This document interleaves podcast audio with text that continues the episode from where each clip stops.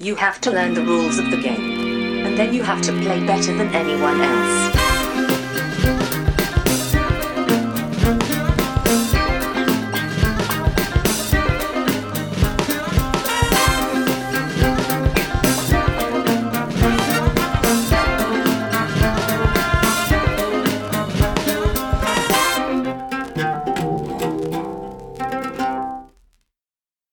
Hej och välkomna till Vems tur är det? Mellan turerna. Podcasten där vi pratar om spel. Jag heter Marcus Brisman. Med mig i vår fabulösa Stockholmsstudio har vi Johan Järrud. Eh, hej. Hej Johan. Eh, Nu blir jag ställd, du sa fabulösa Stockholmsstudio. Det är, det är alltså... Ditt arbetsrum. Jag sitter på en pall i ett halvfärdigt gästrum. Eh, och datorn är mm, uppproppad på en eh, förpackning från en blöjhink jag köpte eh, i veckan. Så att, eh, Men hade du inte sagt det så hade inte våra lyssnare vet vetat om det. Du tog inte om att du sitter i en flådig studio liksom. Ja, jag vet. Jag, ja, jag, jag pajar ju allting nu. Ja. Det, är ju liksom som att se igenom eh, verkligheten. Ja men precis. Men, exakt. Ja. Bakom eh, slöjan liksom. Men ja, okej. Men, ja, du tar väl bort det där sen i, i klippningen och så lägger vi till Absolut. när jag pratar om hur, hur jäkla fin vår Stockholmsstudio Ja men absolut, såklart. Ja, hur har du haft det sen sist? Jo, men jag har haft det rätt bra. Ehm, Jag har inte så här... Det, här, det här med att, att ha en, en, en liten eh, Chabo som springer runt, eller det gör han ju inte, han, han springer ju inte alls. Eh, men eh, att, att ha uppmärksamhet på gör att man inte spelar så där jättemycket kanske som man skulle vilja. Så att, Mm. Eh, men i övrigt så går, går det bra tycker jag. Men ni spelar väl ändå en del tillsammans du och din fru? Ja, Men, men det kanske också är svårt med, med eh, en liten då liksom. Vi gjorde ju till exempel eh, under, under graviditeten så spelade vi till exempel 18 partier Tapestry Mm. ehm, eh, med varandra. Men, men ehm, nu efter födseln så har vi inte fått in sådär jättemånga tillfällen. Nej okej, nej jag förstår det. Typ, typ tre. Ja.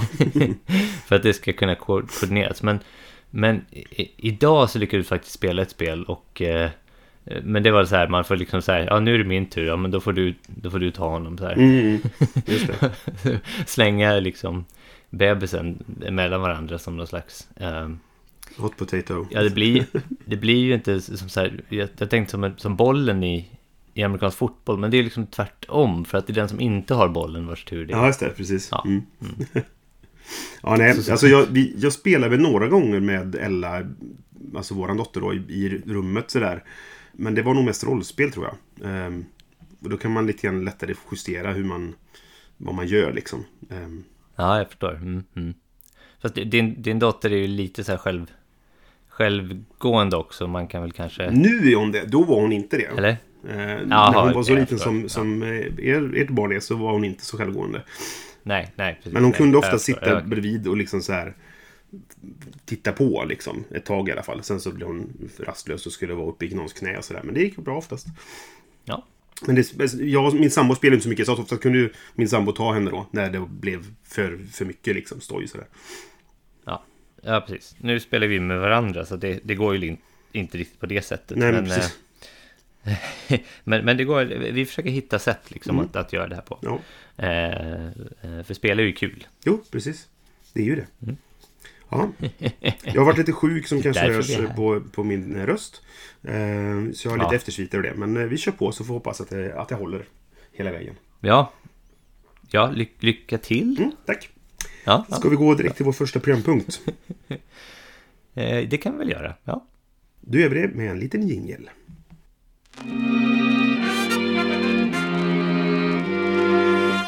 Då ska vi prata om vad vi har spelat sen sist. Och du hade inte gjort det så mycket kanske? Mm, jag har spelat någonting. Mm, vad har du Så jag har faktiskt en, en grej att ta med mig hit till den här programpunkten. All right, kör hårt. Jag har spelat, jag kommer ihåg sist jag sa att jag har spelat en runda Yukon Airways. Mm. Nu har jag spelat ett parti Yukon Airways. Oh, trevligt. Och Yukon Airways är, är väl... Nu ska vi prata om alltså hela, hela ämnet idag. Kom, vi, Mm. vi lämnar det till ämnet sen, men Mm. det är ett... Jag skulle vilja säga att det är ett pick up and deliver-spel. Ja. Eh, inte så mycket pickup, men mest deliver. Okej. På ett eh, point, movement. Nej, jag ska sluta med det här. Men eh, vad heter det? Man har helt enkelt ett eh, sjöflygplan och kör runt i Alaska. Mm. Och då i början så tankar man upp det här flygplanet beroende på olika saker då. Man kan göra några actions som, som gör att man får mera eh, bränsle. Eh, men lastar man på, ju fler passagerare man lastar på desto mindre bränsle får man ha med sig. Och sen så Okej. spelar man ut tickets eh, och som man då ass- assignar de här passagerarna till och så åker man ut och, och liksom droppar av dem ute på olika, olika små samhällen i Alaska där de har olika ärenden liksom och så får man eh, pengar och uppgraderingar till sitt flygplan. Okej. Och liksom så allt eftersom spelet går så så blir planet bättre och bättre. Mm. Eh, och man kan göra mer och mer saker. Man har för varje mm, passagerare man droppar av till en, en destination dit den vill åka så får man uppgradera sitt plan. Okej. Och då har man olika dials och man har olika toggles som gör olika speleffekter då. Mhm. Eh, de gör allt, allt, till, allt från att man får mera fuel varje runda, alltså bränsle, till att man får högre Christmas bonus. Vilket är lite roligt. Och det är alltså typ bara endgame scoring. Okej, ja, ja, ja. Men det är en liten sån flygplansdial som man får, får trycka upp. Det är en sån här väldigt sån taktil grej. Eh, att man har såna dials. Så det, det är ganska trevligt att man får sitta och mecka lite med ja. med mm, de här grejerna. Försöka liksom trimma sitt plan till att passa nästa resa liksom. Så att man kan få ut så många turister som möjligt i Alaska. Ja, kul. Jag tyckte det var faktiskt ganska trevligt. Jag tycker att det, det ser bra ut eh, och det är viktigt för mig. Framförallt är Mm. liksom omslaget jättesnyggt. Mm, det är det det. en sån där grej som, som går in i hyllan och kan vara liksom ett konstverk. och och sånt, sånt gillar jag. Mm. Ehm, men sen gillar jag temat också. Så här, flyga, flyga sjöflygplan i Alaska är liksom någonting som eh, i ett annat liv så skulle jag nog kanske ha tyckt det var roligt. Ja, liksom. okej, Och, ja. eh, Sen både jag och min fru, vi, vi är stora fans av tv-serien eh, Northern Exposure. Mm. Som i, eh, på svenska när den gick hette Det ljuva livet i Alaska. Mm. Eh, och där eh, var det liksom en, en liten sån här typ håla då som man flyger folk till i det här spelet som, som, som beskrevs. Okej. Eh, och det var, och en av huvudkaraktärerna där var liksom postpilot och, och, och flög runt. Eh, så det var lite så här anknytning till tema. Mm. Eh, checkbox där också då. Så att, ehm, nej, det var, det, jag, jag, tyckte om spelet. Ja, helt kul. Eh, Jag vet att du- jag tror du pratade om det tidigare. Alltså, inte i förra avsnittet utan vid något annat tillfälle tidigare. Och jag har dessutom eh, en eh, recensent och en kille som gör en del YouTube och, och poddar och sådär som heter Matthew Jude som har sagt att han gillar det här spelet också. Som jag litar ganska mycket på. Så att jag har skaffat faktiskt ett exemplar eh, begagnat. Men jag har inte hunnit spela det. Ja. Ja, det är bra köp. Jag, jag, jag, jag gillade det. Äh, Alltså det, det, det drunknar rätt mycket i mängden vad gäller liksom, det är inte sådär jätteinnovativt. Men det har ju ett, ett tema då som är ganska starkt. Och, eh, Ja, men sånt är kul. Och så är det så här att han som har gjort det, hans pappa var sån här eh, plan... Jag har ett flygplan. Pilot heter det. Pilot heter det. Pilot, ja. Eh, och körde såna här plan och han... Eh, han hade gått bort nyligen så det här var spelutvecklarens Ah, okej. liksom hommage till sin far. Ja, Ja. eh, Ja, men det är ju lite trevligt sådär Mm. personligt. Ja, men Eh, precis. En, en personlig anknytning. Liksom. Eh, bra, bra, det tycker jag, det skulle jag rekommendera. Mm. Faktiskt. Kul. Ehm, ja, jag har spelat eh, två spel egentligen. Jag, vet det, förra gången så sa jag att jag, såg fram emot att spela det här eh, Marvel Crisis Protocol. Och det har jag gjort och vi har även släppt ett avsnitt om det. Eh, till Vems tur är det? Alltså första Yes. intrycket. Mhm. Så jag tänker inte prata om det så mycket för det kan man lyssna på det avsnittet istället. Det är redan ute när vi spelar in detta. Och det, när vi väl släpper detta så har det varit ute ett tag antagligen. Alltså ni har redan hört det förmodligen då. Ja men precis. Om, Alltså, om ni lyssnar på det här så har ni förmodligen redan hört det. Antagligen så. Så jag tänkte inte prata så mycket om det. Utan jag tänkte istället prata om Paladins of the West Kingdom. Som jag också Mm. har hunnit spela. Ehm, Ja, det här blir, det här blir kul. mm, jag är ju ett stort fan av Architects of the West Kingdom. Det är ju ett av mina... Alltså, det ligger på min topp 10 utan att spoila för mycket på den här topp 100-listan som vi håller på att göra nu då, tillsammans med, med Mindy. Men eh, den är kanske också färdig vid, när det här släpps. Vi får se. Ehm, Men jag gillar ju verkligen Architects of the West Kingdom. Och tänkte att så här, ja, Paladins låter ju kul. Jag har fortfarande inte spelat något, något av North Sea-spelen. Men jag såg mycket fram emot Nej, detta. inte jag heller faktiskt. Och sen var det många som pratade om att Paladins skulle vara betydligt tyngre än Architects. Och jag tycker att Architects är precis lagom tungt för mig. Eftersom jag gillar medeltunga euros i första hand kanske då. Men jag tänkte, det, det, vi ska köra. Jag måste testa det för att se vad det är liksom. Och det är så sjukt bra. Alltså, hade jag spelat det här före jag började göra min topp 100-lista så hade jag antagligen kommit in på listan direkt. Jag har bara spelat det en gång nu då. Men... Alltså, Hur många gånger har du spelat Architects? Om man får fråga. eh, sex, sju kanske? Något sånt. Oj jäklar, okej. Ja, jag har bara spelat en gång. Jag, jag tyckte det var bra om det. Så att... Eh, I Architects så spelar du ju... Många klagar på att det är, långsamt för att jag, om jag ställer mig på det här stället då får jag ta en sten. Ja visst, och sen så när jag ställer mig där nästa gång får jag ta två stenar. Ja men det är ju kul då. Men sen ställer jag mig här borta då tar jag en trä och så är det så här, du gör e- väldigt snabba, korta handlingar som inte ger dig så mycket. Eh, och det kan jag hålla med om. Men det som är intressant är att det bygger ju också upp då för att när du vid vissa tillfällen så är det så här, men nu, nu gör jag handlingen att, att arrestera folk. Och då, då tar man ju tillbaka arbetare, fast man tar även andras arbetare och sådana saker. Ehm, och, och det tycker jag är intressant. Men Paladins har inte det alls. Det är mycket mindre spelarinteraktion i Paladins. Men det är också mycket mer olika saker att göra. Om man säger så. Alltså i, i Architects så har jag börjat se så här, okej, det finns ett par vägar till vinst liksom. I Paladins känns det som att det finns lika många vägar till vinst som det finns handlingar i spelet. Mer eller mindre. oj. Hur många handlingar finns det i Ja, spelet? men det, alltså det finns sex stycken huvudhandlingar och så finns det tre, fyra extra handlingar. Men alla de där sex handlingarna är liksom en, olika spår. Och du kan, alltså oftast gör man kanske några av dem. Men man satsar kanske lite grann på vissa mer. Och det är det som är liksom de olika vägarna då. Och jag tror att man kan Ja, göra olika kombinationer där också. Och vad det är, alltså du, du har en, en, alla har sin egen hög med Paladins. Den är samma för alla spelare. De har ingen skillnad på dem egentligen förutom eh, bakgrundsillustrationer tror jag. Eh, och varje runda så drar du tre stycken. Och en paladin ger dig eh, två arbetare du kommer ha under rundan. Den ger dig en bonus i en av de tre värdena som är Faith, Strength och eh, en sak till. som jag inte kommer på nu. Ehm, vad var det? Strunt samma. Eh, och den ger dig en specialförmåga egentligen. Och varje runda så drar du tre stycken. Väljer en som du tänker använda den här rundan. Lägger en underst i högen. Som du helt enkelt inte kommer använda förrän kanske sista rundan. För då kanske du har cyklat igenom då så att säga. Och en som du har tillgänglig då. Men dina nästa tre nästa runda. För den lägger du överst. Och sen f- draftar man även ett kort då för som visar de andra fyra arbetarna. Och så får sex arbetare. Du kan också spara. Eller ha sparat då sen rundan före egentligen. Och sen gör man handlingar på sitt eget spelbräde. Och varje handling kräver en till tre gubbar. Så att det, det är lite olika hur mycket du kan göra i början. Sen kan man kunna liksom göra handlingar som gör att du får, eh, låser upp andra arbeten och sådana saker. Eh, och sen finns det även ett gemensamt bräde. Och där finns det lite olika saker. Och där den spelarinteraktionen som finns kommer in då så att säga. För att det finns platser där du bygger hus eller där du sätter ut munkar. Eh, som ger olika belöningar. Och de tar man ju kanske för varandra då så att säga. Det finns också folk du kan rekrytera som ger dig en specialförmåga resten av spelet så att säga. Det finns folk du kan eh, rekrytera för att få poäng i slutet på spelet. Det här är då eh, alltså folk som är okristna. Som man kan då antingen eh, konvertera eller döda med sina paladiner. Och dödar dem så, så får du en eh, bonus. Ehm, och om du slår ihjäl dem så får man oftast eh, en direkt belöning. Och sen har du varje runda så vänds det upp ehm, kort på den centrala planen också. De första tre rundorna så är det sätt att få poäng på. Och alla de är så här. Har du gjort fem stycken av den här handlingen? Som kan vara att bygga på muren eller att eh, konvertera eller att slå ihjäl.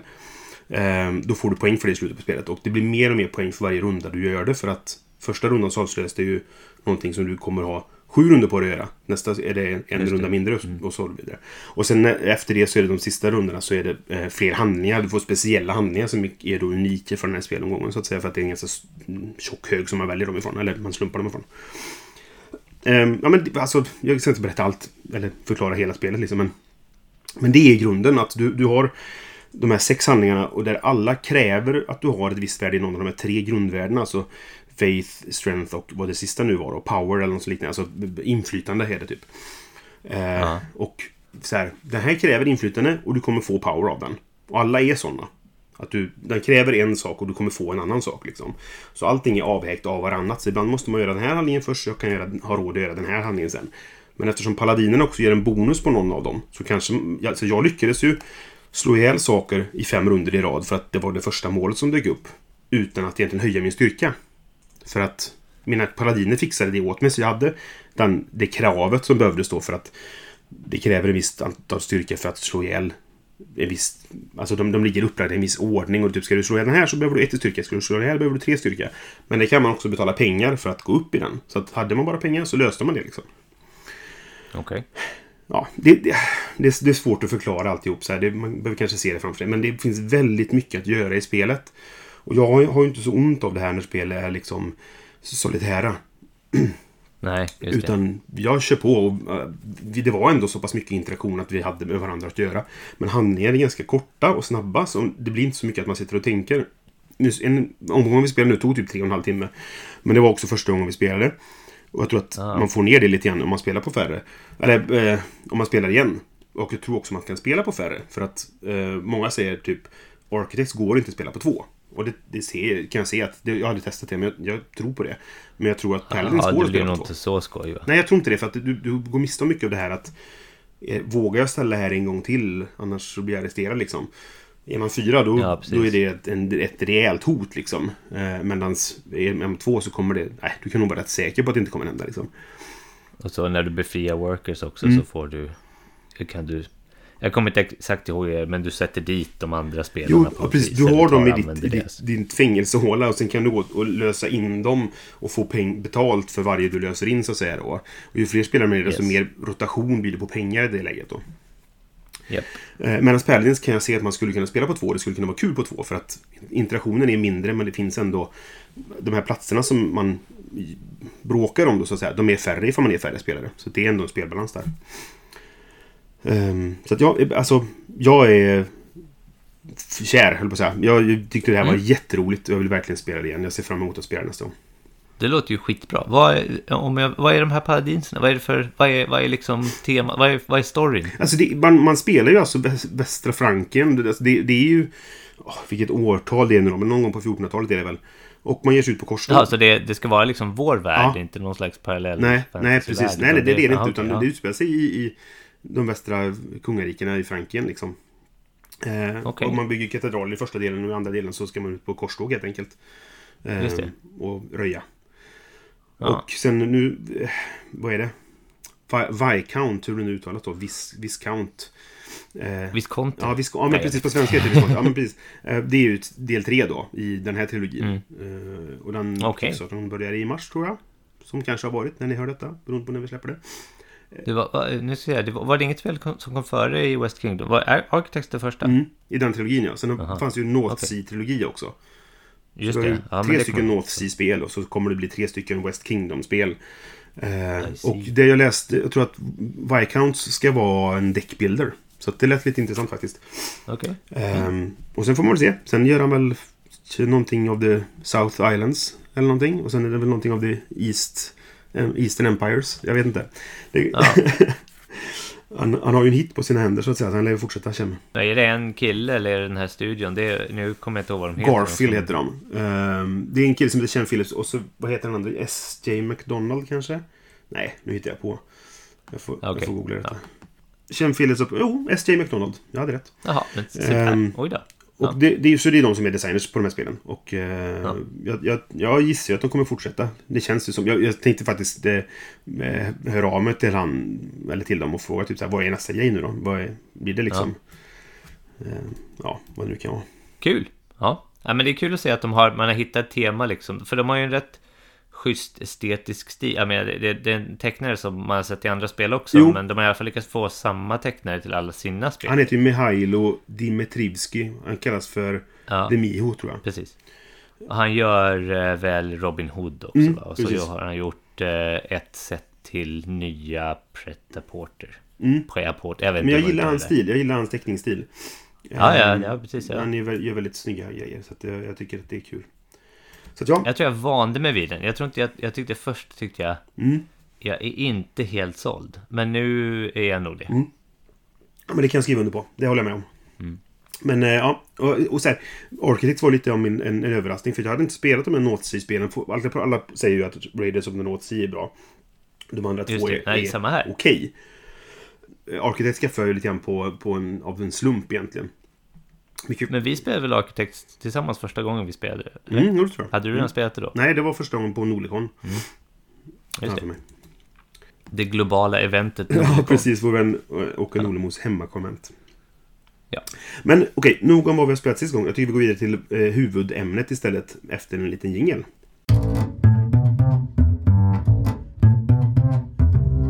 Okej. Eh, veckans tema. Vi tänkte att vi pratar ju gärna lite grann om... Eh, vi slänger oss med speltermer som du gjorde lite grann när du började prata om Yukon Airways där. Eh, Ja, jag, Och eh, det finns ju jag var ju mitt inne i det Ja, liksom. men precis. Och det finns en, en hel del speltermer som används. Många av dem är på engelska. Vi gillar att prata svenska, även om det är okej att slänga sig med de engelska titlarna också. Eller termerna också. Men jag tänkte att vi ska prata om lite speltermer den här gången och förklara lite grann vad vi menar när vi säger dem. Eh, och kanske även se om vi kan hitta någon svensk översättning på dem eller diskutera vad vi tycker om dem och så vidare. Och, så, och sådär.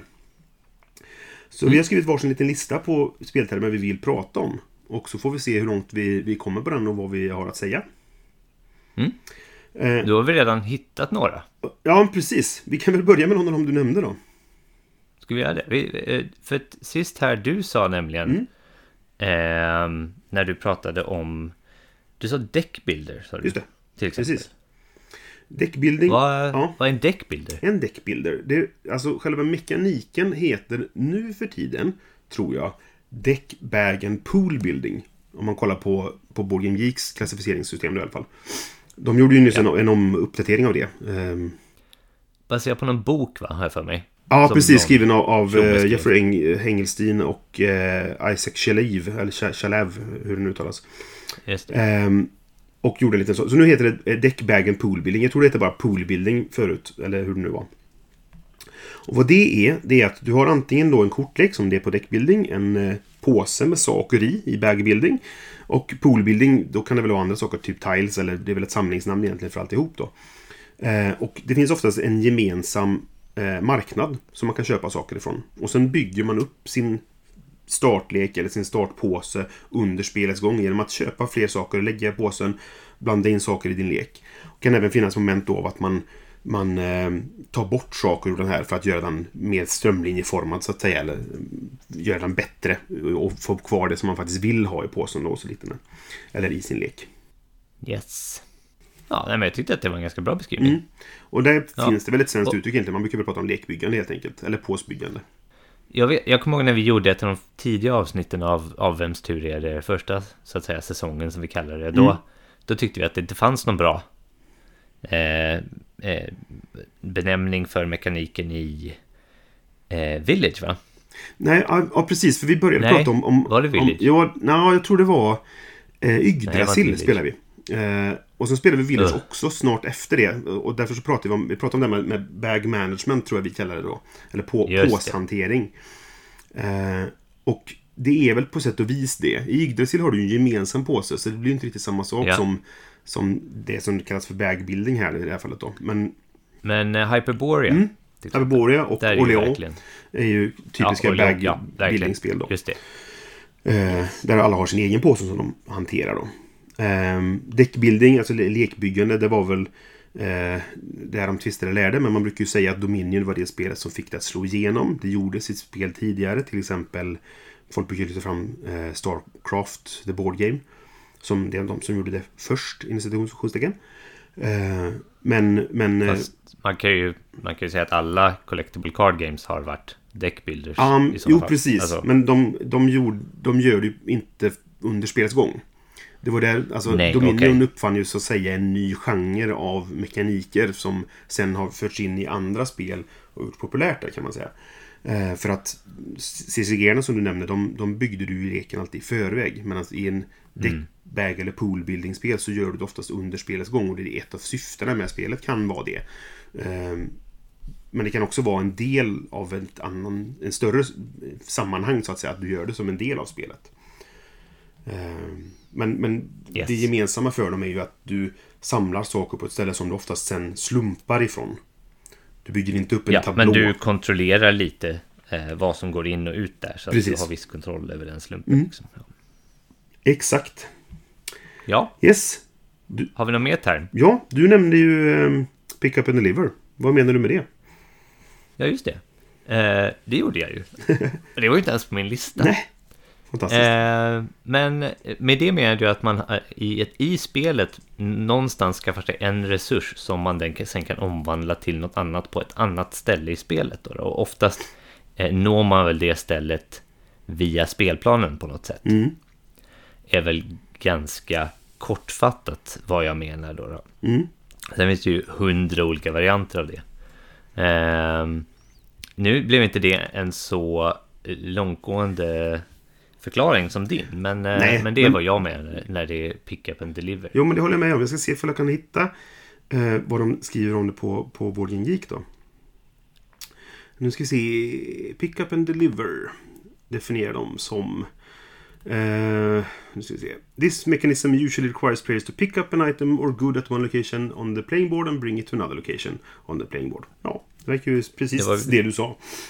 eh, sen står det lite mer text också och så vidare. Men ehm, Ja. ehm, ja absolut.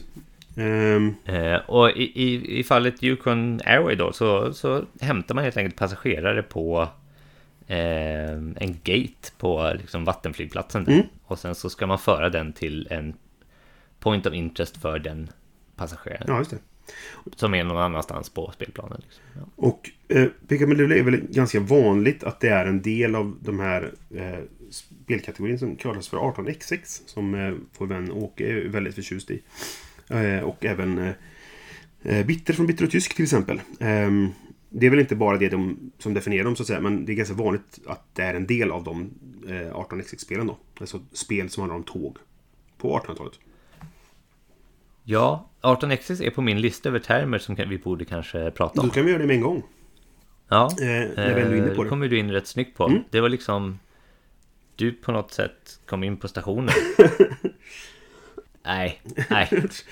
Jag, jag tänkte att det kunde varit vitsigare än det var. Det var bra. Men det, det är godkänt. Det, ja, det var väl liksom helt rätt tänkte jag då. För att jag har ungefär exakt samma åsikt om alla 18xx-spel. Mm. Vad är det då? Att de kunde nog vara vitsigare än de är. Jag har ju faktiskt inte spelat ett 18xx-spel och det är ingenting jag är enormt sugen på att göra. Jag skulle, det är lite sant så här att jag, jag är ingen stor fotbollsfan heller. Men jag skulle kunna tycka att det var kul att titta på fotboll om jag gör det tillsammans med entusiaster. Jag har gjort det några gånger Ja. och de kan liksom förklara för mig varför de vrölar så mycket vid vissa tillfällen. Liksom. Eh, och, Ja. och därför skulle jag kunna tänka mig att spela 18xx med entusiaster. Problemet är att jag ser framför mig att det är ett spel som tar väldigt lång tid att spela och jag är inte så förtjust i långa spel. Säger jag som ju spelar alltså, tre och en halv timme of the West Kingdom. Ja, jag förstår. Men ja, Ja, men jag förstår vad du menar. Det är ett ganska långt... Och sen så finns det ju... Nu, nu, nu pratar vi om hörsägen här. Mm. Eh, men eh, det, det, det finns ju många som säger så här. Åh, det är alldeles fantastiskt. För de sista dragen, då gör man ingenting. Då kör man bara ett Excel-sheet som man har hittat Ja. sin sista poäng. just det. Och då, ja okej, det är kanske är roligt. Men Nej, och sen så i alla fall, vi, vi kan väl prata om termen lite Mm. istället för att... ehm, En stor del av den Eh. typen av spel är ju oftast Ja. ekonomi. Du köper aktier i Yes. företag och man hanterar aktier och det, det handlar mycket om att räkna på vad är det här värt för mig just nu? Och du måste köpa nya tåg för att de gamla rostar och vad det nu kan vara då. Eh, och det är också någonting som inte lockar mig. Jag tycker inte att ekonomi är kul i spel. Alltså, många spel har ju ekonomi i sig som, ja, men, säg som att när det handlar om, om att hantera olika resurser. Att så här, just nu har jag de här resurserna, jag vill, behöver få de här resurserna. Det är också någon sorts ekonomi egentligen. Men det här är mer verklig ekonomi och då, blir, då somnar jag. Liksom. Då tycker jag det är jättetråkigt. Eh, Så det är väl det också en Ja. del av att jag inte lockar mig, alltså lockas till att spela de här spelen. Ja, jag vet inte riktigt vad jag ska säga om det. Jag försöker mest pr- prata om termen här utan att... Mm. eh, jag, det, vi kan ju säga att det är ingen hemlighet att ingen av oss gillar 18xx-spel. Men du har väl spelat men- ändå? Ja, jag har spelat Mm. det. Ja, visst, ja. Det var inte jättemycket pick up and deliver när jag spelade, Nej. utan det var mer så här road building och så skulle man ta sig från någon stad till en annan och så blev man blockad och så var det inget kul alls. Nej. Eh, men, eh, och så jättelänge. Jätte, jättelänge. Ja. Men det här med 18x, jag tycker det är så intressant att man på något sätt liksom har fått en sån här term för Eh, för det första att man liksom inte kallar spelen något vettigt, utan man bara kallar dem 18 och så något tal. Liksom. Ja, alltså det, det vanligaste är ju att det är ett, 18, ett årtal, alltså 1800 bla bla bla vad det nu kan vara. Va? Ja, precis. Men det har ju också lett till att trenden är att fortsätta kalla dem sådana saker fast det inte är en, en, ett årtal. Så du har ju till exempel, um, för att toppa my head nu då, liksom, att eh, 18 Orient Express, 18 OE. ja, ja, Det är ett spel. precis. Eller 18, Eller 18 Newfoundland. CZ, Eller vad det heter. Ja, men precis. Tjeckien då, liksom sådär. Och det är väl för att de har fått slut på årtal antar jag. Så att det, det, de måste väl gå in på andra saker. Men det, nu känns det som att det har etablerats att det finns en term. Man kallar det för 18xx och då kör man på det. Eh, oavsett ifall det känns rimligt eller inte. Men eh, så om man skulle ha ett tågspel på eh, 1799 eller 1901 eller någonting Ja, sånt det där. går inte. Eh, Skulle man, skulle allas, alla 18xx hjärnor liksom koka över då? Eller vad? Jag tror det. Ja, för jag gjorde ju lite skämtsamt ett spel som heter 1520 och handlade om eh, Gustav Vasa Mm. och hade ett 15xx-spel. Just det. Men det Eh, men gillades det väl inte av Åke heller. Jag fick lite, jag fick några konstiga blickar. Ja. Jag var ju inne på att man skulle göra ett, ett mikrospel i, i eh, 18xx-världen som om det första tåget. Som var väl typ så här 1807 eller någonting. Eller nu kommer jag bli rättad av, av alla fantaster så här, men, men att det första tåget som byggdes och åkte liksom en viss sträcka på räls då. Ehm, och det var att man gör ett mikrospel om detta. Som heter 18, Ah, ja. 1804 då eller vad det kan vara. Eller 1807. Jag kommer inte ihåg. Men det var också Nej. bara en, en idé som inte skulle gillas antagligen av de riktiga. För det går inte att köpa några aktier och det, vad det nu kan vara. Hur som helst. Ja, hur som helst. Det är i alla fall om 18xx. Det är tåg, tåg, vad, när vi säger det så menar vi tågspel. Som, eh, som vi aktier. inte tycker är så roliga. Eller, Och, och om vi säger 18xx så är det förmodligen i någon form av negativ eh, ja, men, aspekt. lite så. Det, Men, det, men det är ju bara vi. Alla får ju tycka vad de vill Exakt. såklart. vill man älska ja. det så får man absolut älska det. Ja. Ehm, jag tänkte prata om en annan eh, eh, spelmekanisk term som heter Area Majority eller Area Influence. Okej. Ja. Det här är ju någonting som oftast felaktigt då enligt vissa kallas för Area Control. Och den, den, Eh, jag tror den, ja, den hette ja, så tidigare. Area Control slash Area Majority tror jag mekan- mekaniken hette före de gjorde den här omarbetningen då på Game Geek. Eh, men vad det innebär i alla fall är att eh, flera spelare kan inneha en plats och få fördelar av att ha den platsen. Men oftast om man snackar då Area Majority så får kanske bara den som har flest trupper eller artefakter eller vad det nu kan vara då i ett område. Den här eh, po- mest poäng så att säga. Eller vad det nu kan vara. Ja. Mest poäng eller bara den enda som får poäng. Eller vad det kan vara i olika spel då. Ehm, och det finns ju massa olika varianter på detta också då. Exakt vad skillnaden mellan Area Majority och Area Influence är, det vet jag faktiskt inte riktigt. Det kanske bara är två olika namn för samma sak egentligen. Ehm, Ja, det kan det nog vara. Men skillnaden mellan Area Control och Area Majority då? Ja, den står ju inte på Geek längre, så därför är det lite svårt. Men, men min uppfattning var att Area Control, då är du ensam i ett område. Då, då röjer Ja, du ut samma här. alla andra än, som var i det området. Och man kan inte längre dela på ett område. Utan då är det mer krig, att jag slår ut dina trupper och är ensam kvar. Eh, Ja, som typ risk. Ja, men precis. Eh, Men jag tror att fortfarande folk Bra. använder de här som alltså, likvärdiga termer egentligen då. Men att man kanske vill vara noga med att det var därför jag ville ta upp det lite grann. För att det är egentligen skillnad på dem. Ehm, och sen som sagt kan det göras på olika sätt. Ett vanligt sätt är ju då att göra det på en karta och så flyttar man runt sina pjäser och så vidare. Men eh, till exempel i eh, det här First Person Shooter ehm, brädspelet. Som jag inte kommer ihåg vad det heter nu. Frag, heter det? Nej? Nej, inte det. Det är det jag tänkte på. Utan det som kom från, från um, Check Games eh, Edition. Alltså, Jaha. Eh, gud vad eh, dåligt. Cry, Cry Havoc? Nej. Nej. Nej, inte det heller. inte det heller. Adrenaline. Eh, för det hade ju ett moment av att... Alltså, har du spelat Adrenaline? Nej. Nej, för vad man gjorde var att du sprang runt med din lilla avatar som i ett en First Person Shooter. Och sen så sköt man på varandra med vapen, eller med högg på varandra med motorsågar och allt vad det var. Och när du gjorde skada på någon så la du det på deras bricka. Och sen när de hade nått upp i en viss mängd då, alltså, då, då dog de och så fick de respawna någonstans. Och då fick den som hade gjort mest skada mest poäng. Så att vad det, det var ju Aha, egentligen ja. ett area majority-spel. Eller den största ja. huvudmekanismen i spelet var egentligen area majority. Ehm, men det var dolt som ett eh, springa runt och skjuta varandra-spel. Och det var lite kul, det gjorde lite roligt på det sättet. För att det var ju egentligen då... Eh, kändes Ameritrash tematiskt sett, men var eh, mer Euro-game i, i eh, genomförandet. Yes. Och det kanske gör att vi glider in på nästa sorts term. Fast vi måste också kanske hitta en försvenskning av area majority. Mm. Ja, kanske. Ja, det, det, är väl inte ett typ av spel jag kanske spelar så ofta, så att jag inte använder det jättemycket sådär. Utan jag tog upp det mest för just det här att skillnaden mellan area majority och area control då.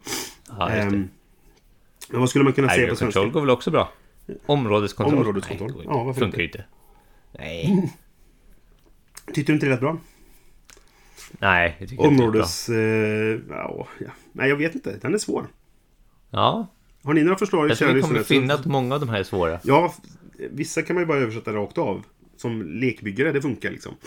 Ja, just det. Men det här, det här är lite svårare. Så att, eh, ja. Jag har inget bra förslag.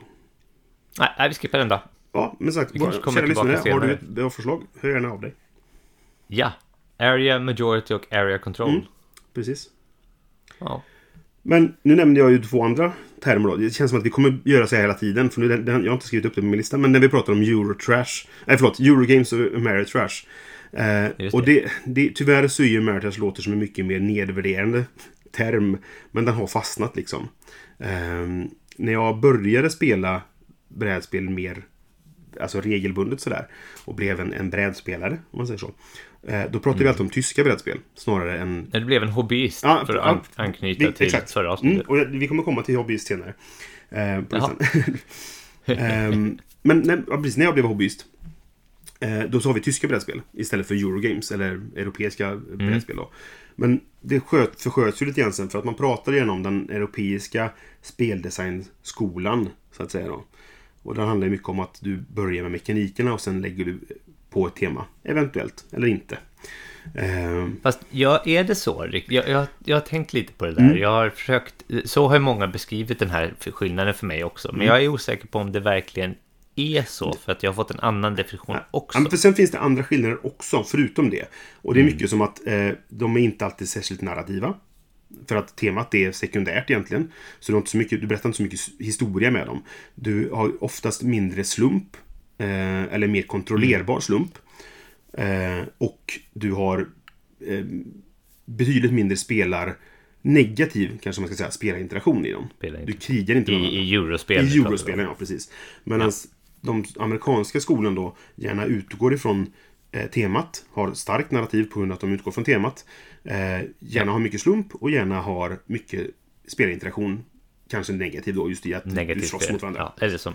Ja, precis. Det är väl så jag skulle skilja på dem egentligen. Men sen så är det ju mycket spel som glider in i varandra. Eh, och Ja, verkligen. Jag, jag tror att den där, de där två termerna, de två klassificeringarna är lite så här utsuddade idag. Mm, ja, men betydligt, gränserna är betydligt att- suddigare i alla fall, absolut. Så är det. Ja, precis. Eh, det tycker jag också. Ehm, och det tror jag att eh, det börjat komma spel från andra länder än Tyskland och USA har, lätt, har haft stor del i det, så att säga. För att, alltså, går man tillbaka kanske 15 år, 20 år eller något sånt där, då var det de två marknaderna som dominerade utgivningen av spel. Ehm, USA och Tyskland. Till stor del. Ja, ja. Jo, jo, precis. Men som sagt, nu, just nu så... Om någon säger att ja, det är Ameritrash till mig, då tänker jag nog mera så här... Jaha, okej. Det har nog mycket slump och figur. Gärna figurer, ja precis. Mm. Eh, medans eh, ett eurospel är mera typ, ja, precis.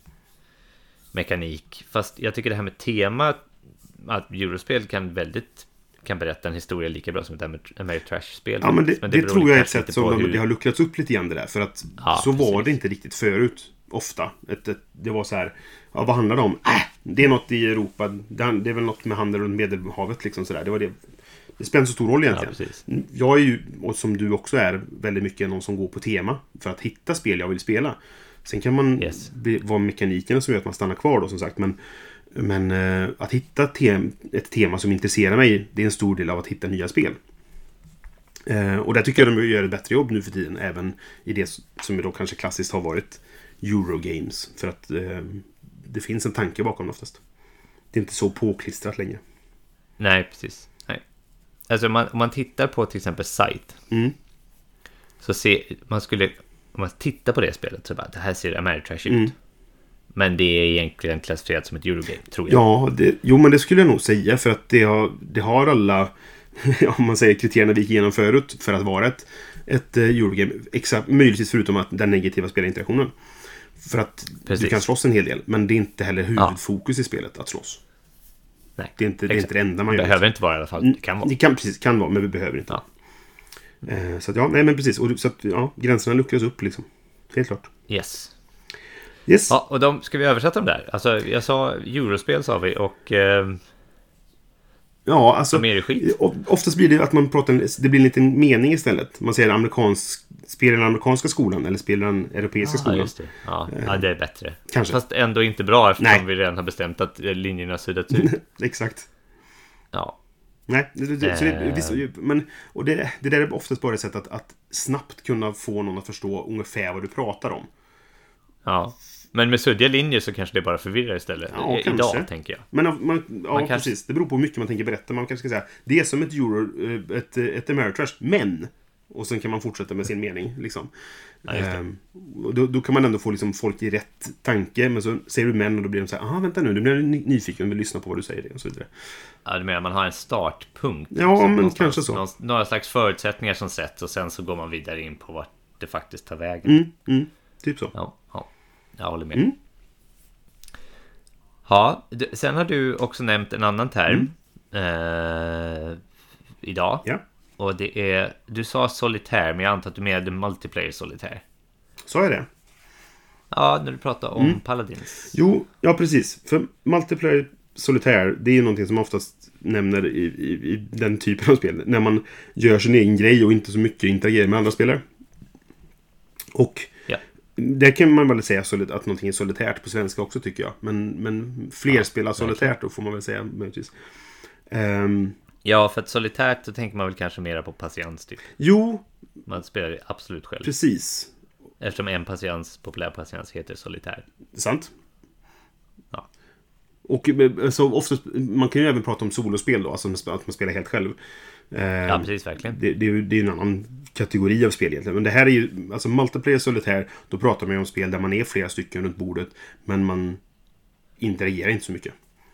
Nej, precis. Och det finns ju väl... Där kommer ju till mitt, ett av mina hatobjekt då. Ja, Eh, på avdelningen spel som alla andra tycker är jättebra men du tycker är jättedåligt. Du, du som är jag.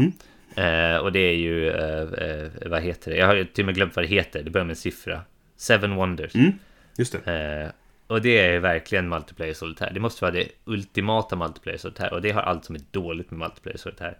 För mig. Ja, Eh, och det är bara liksom att du sitter där och så får du ett kort och så tittar du lite elakt på de andra men du säger ingenting och så skickar du vidare korten så får du något och så kliar du dig lite i huvudet och spelar du ett kort och så skickar du vidare. Och det blir liksom ingen interaktion, ingen konversation, nej. ingenting. Du sitter bara och spelar själv. Nej, precis. Och så, ja. För det, det här kommer jag ihåg när vi diskuterade Seven Wonders i, i första säsongen av eh, Vem styrde det? Ja, Och jag frågade varför ni inte pratar med varandra när ni spelar spel. Eh, och vi kom fram till Jo, ja, att, precis, att, jag att jag kanske ja. pratar med de andra mer för att jag är den som lär ut spelet. Och därför så blir det automatiskt att jag har någon sorts spelledande funktion. Eh, och det kan nog stämma. Eh, och jag, alltså jag har gjort mig av med, med, med Seven Wonders sen ett tag tillbaka för att jag tröttnade på det lite grann sådär. Eh, däremot It's a Wonderful World som vi pratade om i förra avsnittet eh, är ju väldigt mycket detta. Det är ju väldigt solitärt. Jaha. Alltså, och att Okej. man sitter och, och gör sin egen grej så att säga. Eh, det är nästan mindre interaktion för i, i Seven Wonders så har du ändå där att jag måste hålla koll på mina två grannar, hur mycket krigsmakt de har. Och jag kan köpa resurser av dem. Som Ja, ja, jag ja, inte men har. det är, ju, det är ju helt annat då. Nej, nej, det där är i Seven Wonders. Är det? Det finns inte i It's a Wonderful World.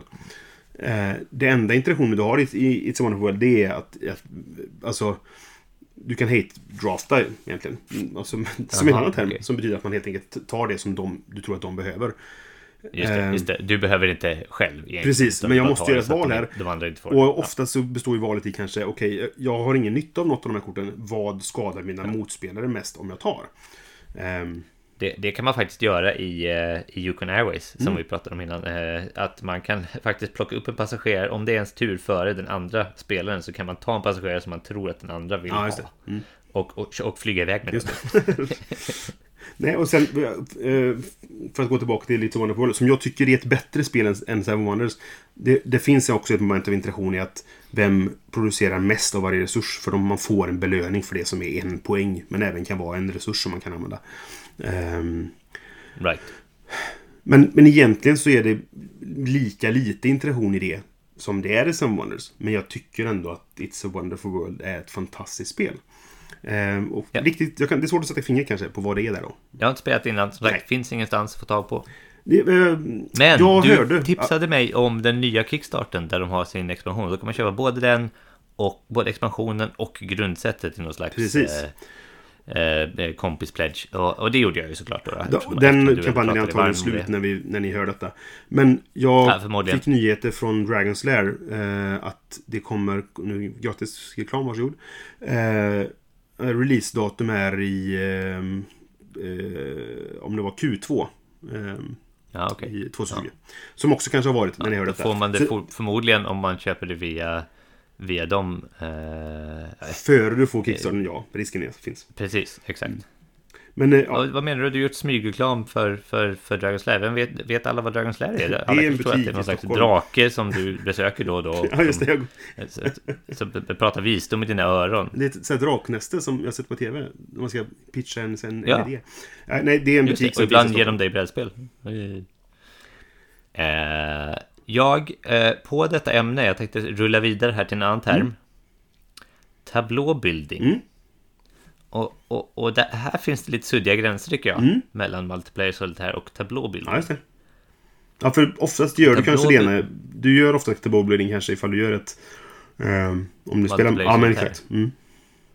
Det är bara det att tablå building kan man kanske inte behöva spela så multiplayer på. Till exempel, eh, det finns ju spel där man kan bygga olika... Jag tänker till exempel Imperial Settlers, där man, kan bygga, man bygger sin egen lilla Mm. tablå, men vissa av dina byggnader kan användas av din eh, motståndare. Mhm. Så då är det ju inte direkt multiplayer solitär längre, utan det är Nej, mera precis. tablå building. Jag vet inte riktigt, där kanske, det där kanske där gränsen går. Eh, du kanske har någon bättre definition av Nej, det? nej och, tableau måste jag säga. Det, det, jag är dålig på exakta eh, betydelsen av exakt vad det är. ett typiskt tablåbildningsspel skulle jag säga är eh, Race for the Galaxy. Ehm, Mm. Där alla bygger sin egen sak framför sig. Så att säga. Och jag skulle nog jag skulle gissa att uh, It's a Wonderful World räknas som, som tablå, tablåbildning också. För att du bygger din egen grej framför dig. Vet du vad? V- eh, Båda vårat... Eh, ett spel som vi båda håller högt, eh, Lewis and Clark, är klassat som tablåbild. Ja, men det kan jag köpa också. För att du gör saker... Alltså du lägger ner kort framför dig som du sen använder på olika sätt. Ja, och dina motståndare har eh, användning för dem också. Mm, precis. Ja, det, alltså, det, det där är lustigt. Vi, eh, vi pratade om, om eh, det här när vi spelade in eh, vår topp 100-lista nyligen. Eftersom det är ingen hemlighet att det ligger högt på min lista. Nej, Ehm, ingen alls. men eh, jag har inte spelat det på länge och jag, det är ett spel jag sällan får chansen att spela. För det är ingen som gillar det lika mycket som jag. Ehm, men när jag pratar... Bor ju fel ända Ja, jag vet. det är du som bor i fel ända. Ja, eh, Nej, nej, det är du. Och så vidare. Eh, nej men, eh, bara- jag, bara att, att få mig att, att prata om spelet får mig att bara säga åh det är så bra och det här är så bra. För det är så mycket små detaljer i det spelet som är klockrena i min mening. Ehm, så att ja, det, Ja. det är sidospår. Men eh, I, I love it. Så att säga. Jag vill gärna besöka Fort Klatsop med dig igen. Absolut, det ska vi göra. Och det är ett sånt spel, för, för Eh. vi diskuterade vid något tillfälle varför det inte har fått en, en expansion. Och det är för att det behöver inte en expansion. Det är fulländat som det är. Ja, det är ett bra spel. Ja, Tableaubuilding. Jag sitter och kollar i um, Borgen Geeks eh, databas här nu över, över mekaniker. Och det finns inte med där som en egen mekanik. Och det, Okej. det är antagligen för att det inte är en spelmekanik, utan det är en... Det är, förlåt, det är en family Precis. tydligen. exakt. Det har jag redan kollat Mm. upp. Men vad är deras definition Vad- då? jag- jag jag, vet inte. Det finns- Jag tycker inte vi ska gå in i det här, för det kan vi göra ett avsnitt bara om, men eh, i, i de här klassificeringarna i Board Game Geek är indelade nu för tiden i Category, Mechanism och Family. Mm. Och Tableau Building är en Family. Ja. Men jag tycker vi lämnar det där. Det här kan vi prata om kanske mer gånger, de här klassificeringarna. Absolut, det kan vi ta i ett eget avsnitt. Men det betyder någonting för oss i alla fall, Tableau Building, när vi säger det. Mm. Och det är väl då på svenska, att man bygger en, alltså... eh, Ja, vad, vad, vad, vad betyder tablå på, på engelska? Jag tänkte säga tv-tablå. Vad betyder tab ordet tablå på svenska? Fast det är väl mer ett upplägg va? Jag vet inte. Alltså, det enda man hittar om man googlar här nu det är ju att tv-tablåer liksom. Ja. Jag tror snarare att man bygger någonting som, man, li- som ligger framför sig på något sätt. Mm. Eh, alltså det är mera... Och, och, och tablå är väl, en tv-tablå är väl någonting som är så här upplagt. Alltså typ här har du typ, menyn. Här ska vi se. Tablå av latinets tabula, som betyder bord, skiva eller tavla, kan vara en systematisk sammanställning av information. Ja, där har vi det. Det låter ganska rimligt ändå. Fast det kan vi ju inte riktigt använda som snabbterm. Nej, men jag tror att man skulle kunna säga tablå på svenska. Alltså att Ja, ja, okej. tablå, ja, ja. tab, Ja, en tablåbyggare liksom. En tablå, tablåbyggare, ja. precis. Vad menar du med det? Jo, men jag bygger systematisk information. En systematisk sammanställning av information. Ja. Ja. Jag tycker det flyger. Ja. Så att man behöver inte prata engelska alltid. Jag tycker bara det, eller svenska. Jag tycker det bara det är trevligt att, att kunna göra det om man vill. Liksom. Men vissa fall Det är så... lite roligt det här tycker jag också. Det, det, eh, det är väl verkligen... Jag, jag studerade engelska en gång i tiden och eh, det är väl så att engelskan har ungefär tre gånger så många ord som svenska. Mm.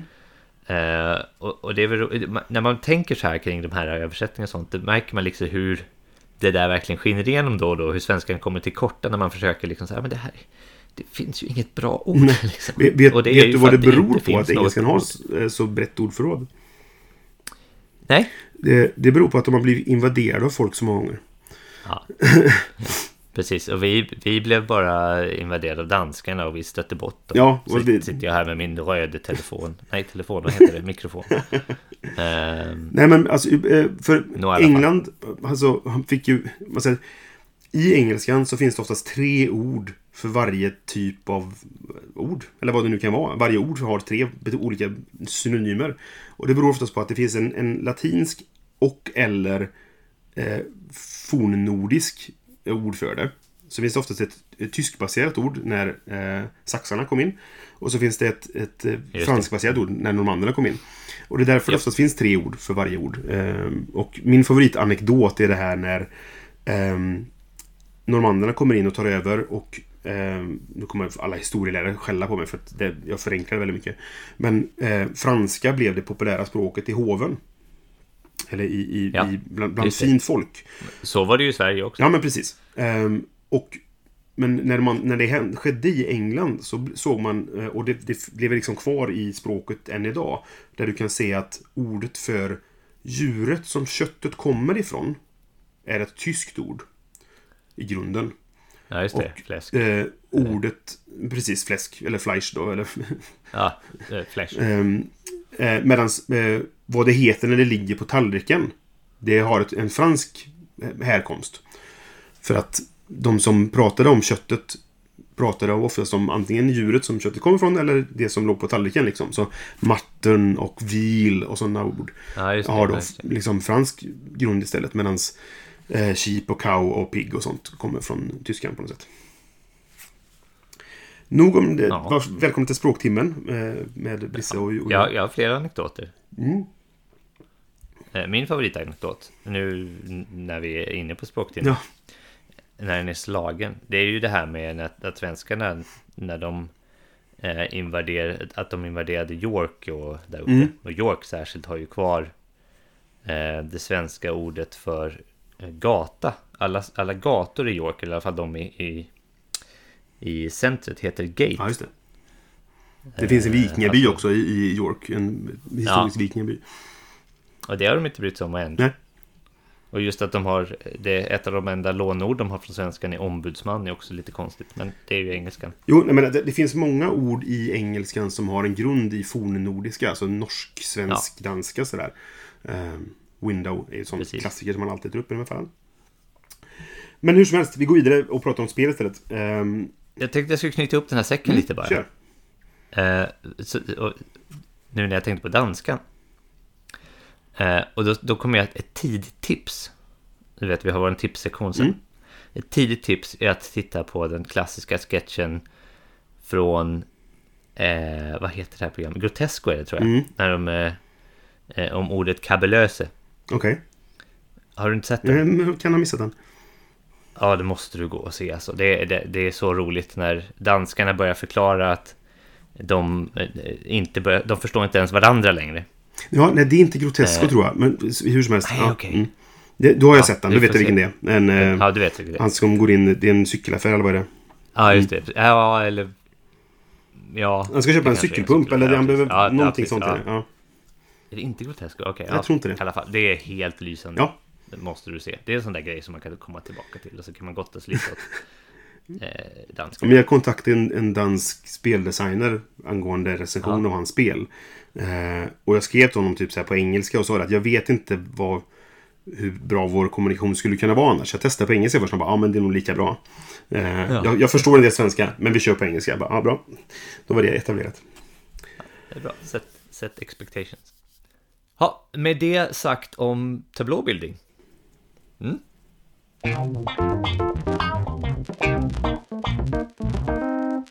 Då har vi kommit till momentet eh, inte ett speltips-tipset. Eller vad vi ska kalla det. Vi har inte bestämt, vi har inget bra namn på den här programpunkten. Men vi kallar det för Kom med Ja. ett tips som inte är ett spel. Mellan turerna tipsar vi om. Ja, Ja. Ehm, har du något tips? Eller ska jag ta ett tips? Jag har, jag har ju redan gett ett tips. eh, och titta på den här, eh, den här roliga komedin om när danskarna inte kan eh, prata med varandra. Precis. Som är väldigt rolig. Så den, det är ett bra tips. Jag är ganska säker på att det inte är grotesco. Ja. Eh, nej, men jag har ett tips. Jag kan berätta om en podcast som heter Death by Monsters.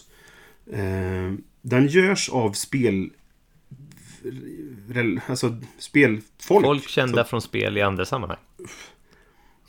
Exakt. Eh, folk som har YouTube-kanaler, Twitch-kanaler, eh, podcast som handlar om spel. Men det här är en podcast som inte handlar om spel, utan handlar snarare om, om mysterier och monster och ehm, udda saker i vår värld. Ja. Och så pratar de om det. Det är eh, Matthew Jude, eh, Paula Deming och Nick Murphy som gör den här. Och det är framförallt eh, Matthew Jude som berättar. Eh, men de har också eh, Home Strange avsnitt där alltså lyssnare har fått skriva in om saker som har hänt dem. Och då brukar de växla lite grann på vem det är som, som pratar. Men det är en väldigt rolig podcast. Det är tre väldigt roliga människor som pratar om detta. Och Matthew har ett väldigt roligt sätt att berätta om saker. Han är väldigt välresearchad och väldigt bra på att men han skriver ju ett manus egentligen som är väldigt stolt manus som han utgår från. Men, men han är väldigt bra på det och är väldigt så här brittisk. Och sen de andra två är amerikaner då. Där är det en del kul eh, liksom eh, eh, det blir en- en del kul eh, krockar där också. Eh, kulturkrockar och liknande saker då. Som, som kommer fram i detta. Eh, så Death by Monsters kan jag varmt rekommendera om ifall ni vill ha en podcast till att lyssna på som inte handlar om spel. Yes, jag får bara hålla med. Jag har också lyssnat lite. Jag, jag lyssnar inte på podcast, men jag har lyssnat på Death by Monsters. Ehm, några avsnitt. Eh, men jag tycker, jag tycker det var bra. Jag skulle vilja lyssna mer om jag hade va? tid. Mm, nej men absolut. Så att det är varmt rekommendera att lyssna på eh, Death by Monsters. De är väldigt roliga. Ja, jag... Eh, nu, förra eh, avsnittet när vi gjorde det här så rekommenderade jag ju Lock and Key. Eller jag rekommenderade trailern för Lock and Key.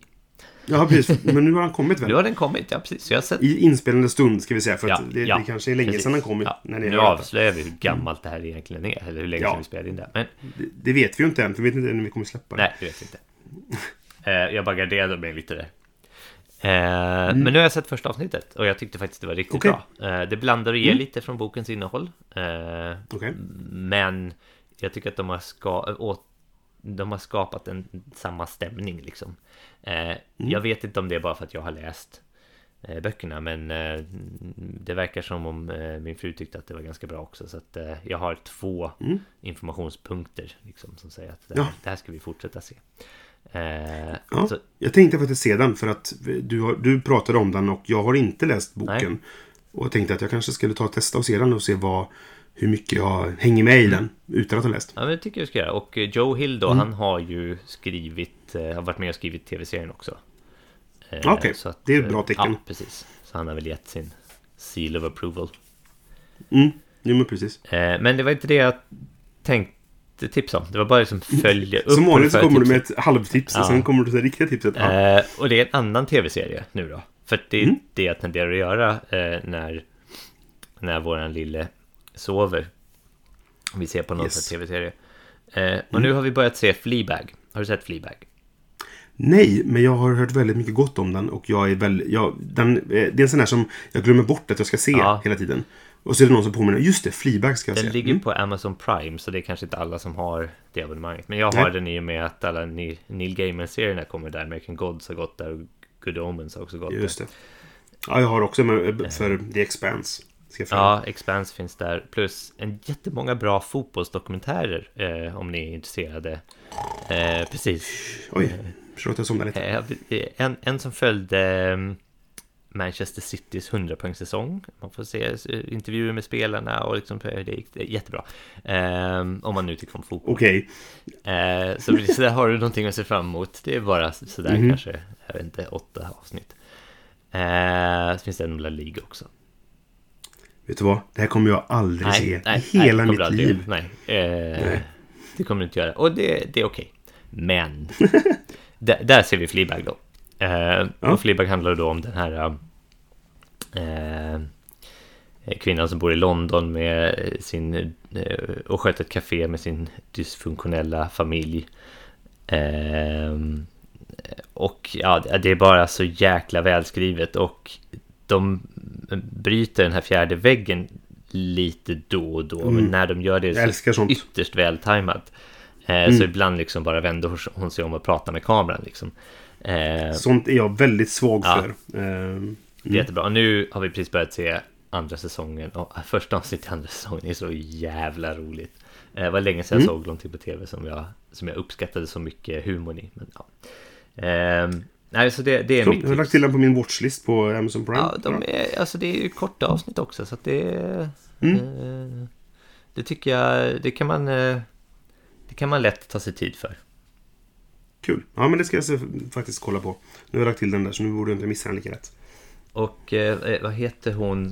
Phoebe Waller-Bridges heter hon det? Som är Det låter bekant. eh, både skådis och eh, eh, har skrivit det här då. Eh, Mm. hon är ju med i Han Solo-filmen som den här eh, roboten eh, Landos eh, Co-pilot. Sexrobot. Ja, sexrobot, ja precis. Ehm, så eh, lite nördkoppling ja, om, man, om man önskar det. Ja. Okej, det var bra tips. Ehm, men vi går vidare till vår nästa eh, Ja. programpunkt. Så nu kör vi på här.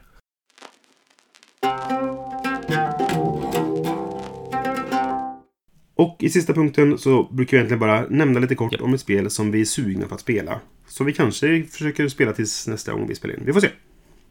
Har du något spel du tänker spela? Jag är helt säker på att jag inte kommer få spela det här tills nästa gång vi spelar in. Eh, till och med med våran eh, lösa inspelningstakt. Mm. Men jag har ett spel jag jättegärna vill spela. Eller, eh, nästan lika gärna som, eh, som det Okej. spelet jag nämnde sist, fast av helt andra anledningar. Och det heter A War of Whispers. Ah, mm. Hört talas om det? Det har jag. Uh, uh, Shut Up and Sit Down gjorde ju en recension av det. Ja, okej. Jag, Och, eh, jag, jag läste om det inför Essen men jag tror inte det hann komma till Essen. nej, Och det lät intressant på pappret i alla fall. det var väl en eh, Kickstarter. Så kan det ha varit ja. Mm. Eh, som eh, jag missade att kicka, som de coola kidsen säger. Mm. Eh, men det handlar också alltså om att man är... ehm, det, det är något sånt krig som pågår. Och man Mm. spelar typ någon form av makten bakom tronen slash spionmästare hos kungen i varje, eller hos härskaren i varje av Just de här det. fem arméerna som krigar då. Mhm. Så man ska försöka eh, då få inflytande och, och eh, sätta ut agenter och, och se till så att man får eh, ja, övertaget helt enkelt i slutet på, mm. eh, på spelet. Eh, och det verkar som att vad jag kan läsa mig till så är det ett väldigt kort spel. Så att man, det är väldigt ja. få runder när man har tid, försöker ha tid att göra de här grejerna. Liksom. Okay. Eh, men eh, det, verk, det verkar roligt och det, där är det ju rätt mycket så här eh, bluffing och såna här grejer. Men, men ja, jag, vad jag förstår så är det den typen av bluffing som är typ bara Texas Hold'ems eh, eh, hållet än, Mm, än mm. eh, social deduction hållet. Ja, för vad det är att du har väl egentligen... ehm, du slumpar i början på spelet, varje spelare, och håller dolt större delen av spelet. Vilken fraktion du får mest poäng för att den har mycket makt, så att säga. Ja, kanske det till och med. Det låter ju ännu bättre. Jag, tror jag tror det är så att du har, du har ett bräde där typ den här får jag mest poäng för, den här får jag lite mindre poäng för, lite mindre, den här får jag inga poäng för och den här får jag minuspoäng Just det, för. just det, ja. Eh, något sånt där är det. Och sen kan du, det finns moment i spelet där du kan avslöja en av dem för att få flytta på dem. Så att du kan typ säga, fan det går riktigt dåligt för den min som är bäst. Ja, men då avslöjar jag den här, men så flyttar jag, kan jag byta plats på dem lite grann. Så här. Jag vet inte exakt hur det går till, men, men eh, något sånt där. Det lät intressant i alla fall. Jag Ja, jag, ska, jag ska se den där recensionen kanske. Jag, jag vet inte Mm. hur jag fick nys om det här, men, eh, men jag vill ha. Och det är Area Majority faktiskt, om jag tittar här på Board Game Geek. Ja, men Eh, precis. Jo, det är det. Och, Mm. och det handlar ju om att man ska försöka. Men, men det är så här, det är inte så här krig, krigandet i sig, utan det är liksom det här eh, smygspelet bakom tronen mellan varje armés spymasters och såna här saker. Mm. Nej, det låter Eh, jättelockande. det låter Eh, Sen vet jag inte hur utförandet är. Då, men... Nej, precis. Eh, det har jag faktiskt ingen aning om eh, heller. Men det, det tar så här mellan 30 och 60 minuter. Det står 15 minuter faktiskt på kartongen, men det kan jag inte tänka mig. 15? Ja, det verkar väl konstigt va? Ja. Eh, ja nej, men jag, jag har ingen kanske aning. 15 Men, minuter mm, per spelare, någonting sånt. Så kan det vara. Mm. Eh, det tycker jag verkar kul. Det, det känns som en så här den perfekta fillen klockan efter tolvslaget på natten på något Mm. konvent någonstans som man tar fram och, och, och liksom avslutar med lite eh, maktkamp. Mm. Ja, ja. Nej, men absolut. Det låter kul. Så det ser jag fram emot. Mm. Eh, jag ser fram emot spelspel som jag antagligen heller inte kommer spela innan nästa gång. Beroende på när vi spelar in och så vidare. Eh, för att det är ett Kickstarter-spel så kom, jag ska inte recensera det och därför så får det liksom ligga på eh, min pile of eh, potential. Ja. Eh, tills jag kommer till, till det. Eh, men jag, jag är väldigt sugen på att spela det och det är On Mars. Eh, av Vital Lacerda. Just det, med illustrationer av Ian O'Toole som vi nämnde i vårt förra avsnitt. just det. Ehm, och jag gillar ju Mars som tema och koloniserandet av Mars och så vidare. Jag tycker det är väldigt spännande. Eh, och jag tyckte att det här såg ut att vara det snyggaste som gjorts. Det, för omslaget är helt sjukt snyggt. Eh, det är nog bland det vackraste jag sett i brädspelsväg. Eh, jag sitter och kollar på det nu på Boarding Geek. Det har en weight på 4,61. Vilket är nog mycket mer än vad jag egentligen vill ha. Ehm, jag har inte läst regelboken än och jag är, nu blir jag lite så här, jag blir nervös av att ens ta mig an det här spelet. Ehm, Ett till fyra spelare blir det, du kan spela det själv. ja, precis. Vi får se. Eh, Jag blir lite nyfiken på vad The Galleries ligger på, som jag ändå har spelat och uppskattade. 4,29. Så att, ja, det är, det är inte alls lika högt. Ja, nej men det, jag, jag har inte spelat på, jag är inte sugen på att spela på. Ah, det är så bra! Eh, ja, okej. E- Eftersom du säger så så är jag lite sugen på att spela det. Men jag tycker att det ser för tråkigt ut. Eh, Jag har ett och- eh, par eh, vänner som fick sitt On Mars och satt sig och spelade det. Mm. Eh, utan att jag kunde vara med. Eh, Mm. Jag är inte alls bitter. Nej, inte jag hör det. Eh, men eh, en av dem sa att det är bättre än Lisboa. Mm. Eh, och den andra sa att nej men vi har ju pratat om det här, det är inte bättre än Lisboa.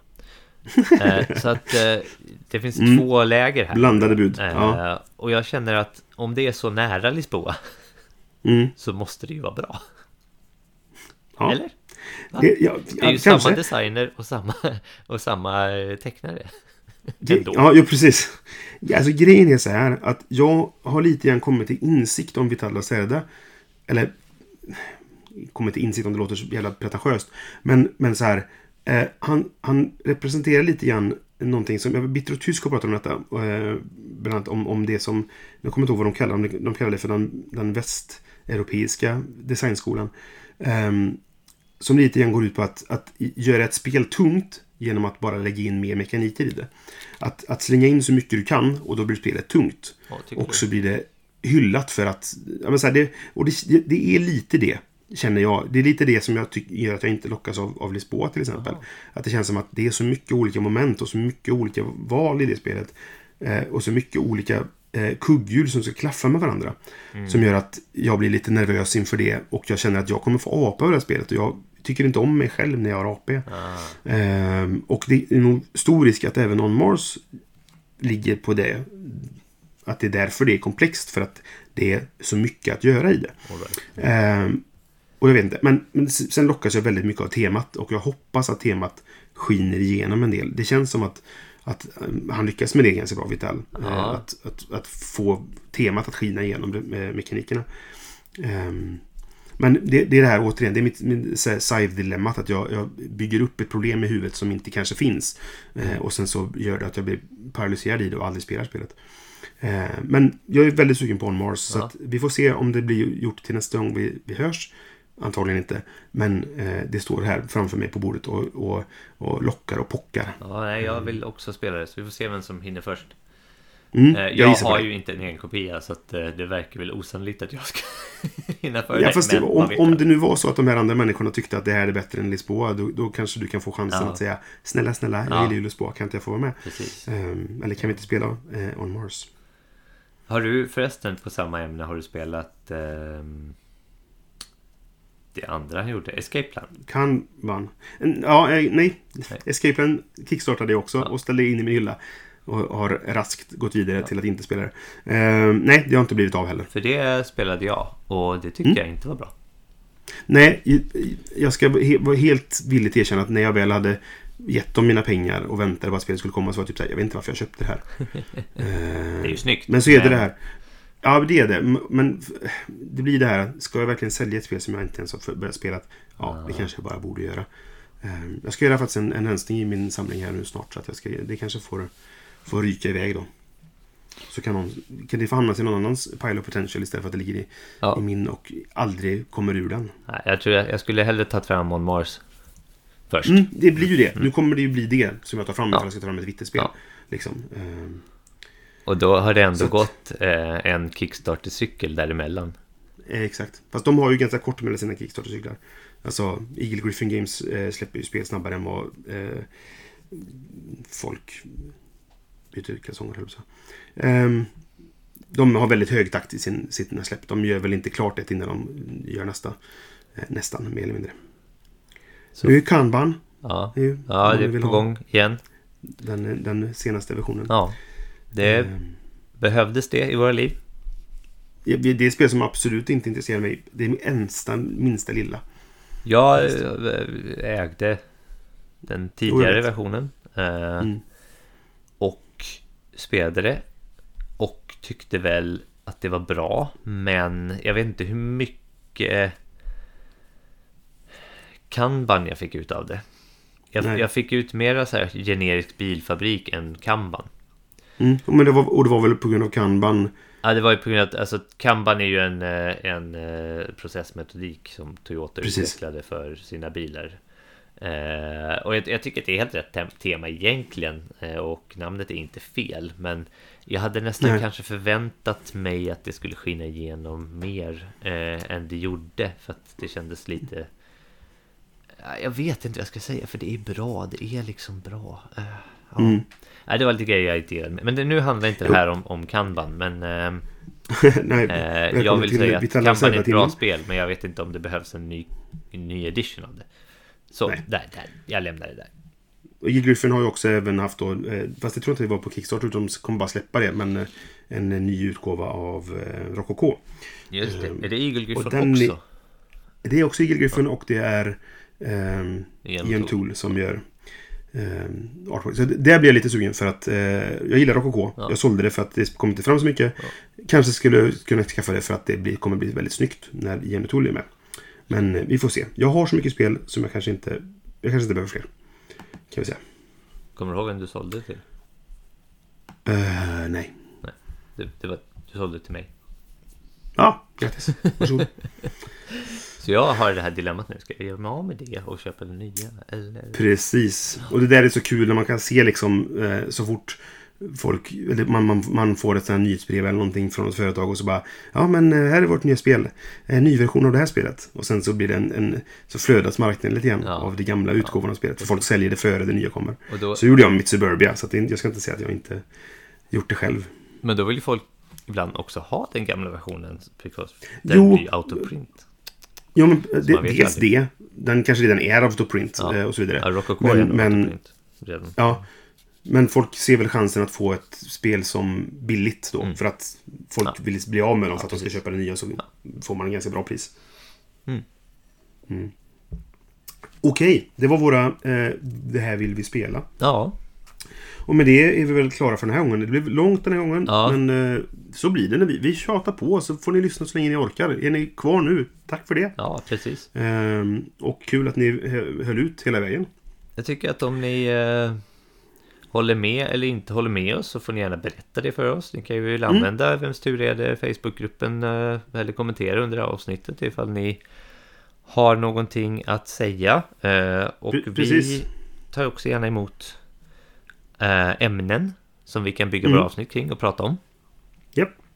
Hör av er Så helt bara- enkelt. Vi, vi finns på spelradio.se. Vi finns på facebook.com spelradio. Eh, vi finns på brisse.spelradio.se. Eh, du, har du Johan? Att spelradio.se? Eh, förmodligen. Ja, det vore er logiskt dit, eller-. Eh, Ni får jättegärna mejla, men det är lika bra att ni, ni kan lika gärna skriva kommentarer eller, eller privata meddelanden på, på vår Facebookgrupp eller på, ehm, på spelradio.se. Ehm, och gör jättegärna det. Hör gärna av er. Eh, det vore jättekul att få, input på avsnittet eller om ni har idéer till framtida avsnitt. Som Ja. Johan sa. Och vi ska väl också nämna att våran eh, musik är gjord av Robin Landahl, den fantastiske kompositören. Och människan.